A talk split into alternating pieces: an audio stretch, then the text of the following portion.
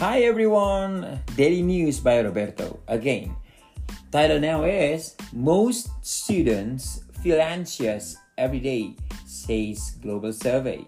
Most students feel anxious every day, says Global Survey. Oh, I guess that's very true. Most students around the world suffer from anxiety and don't sleep enough, according to a new survey. And almost half said they have experienced academic burnout.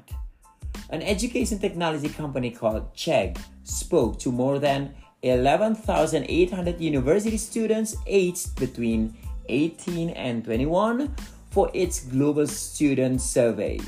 Students from 15 countries, including the UK, the US, India, and South Korea, were surveyed.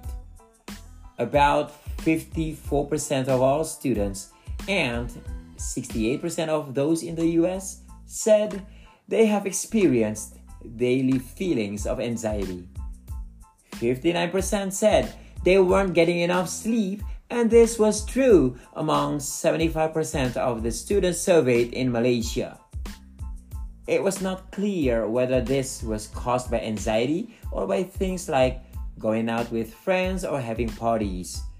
However, 38% said they found it hard to meet new people or make new friends.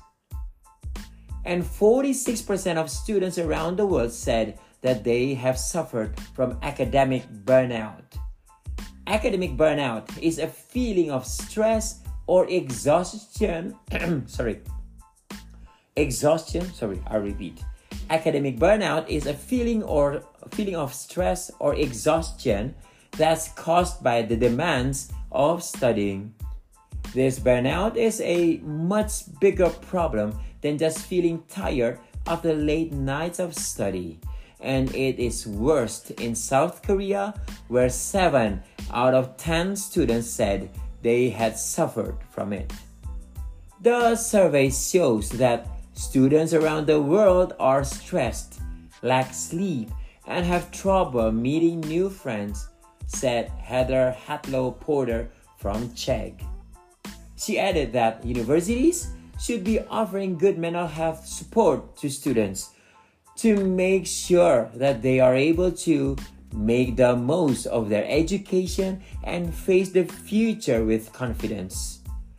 But it was not all bad news, with 65% of students saying that they feel optimistic. Thank you, everyone. Oh, I'm exhausted.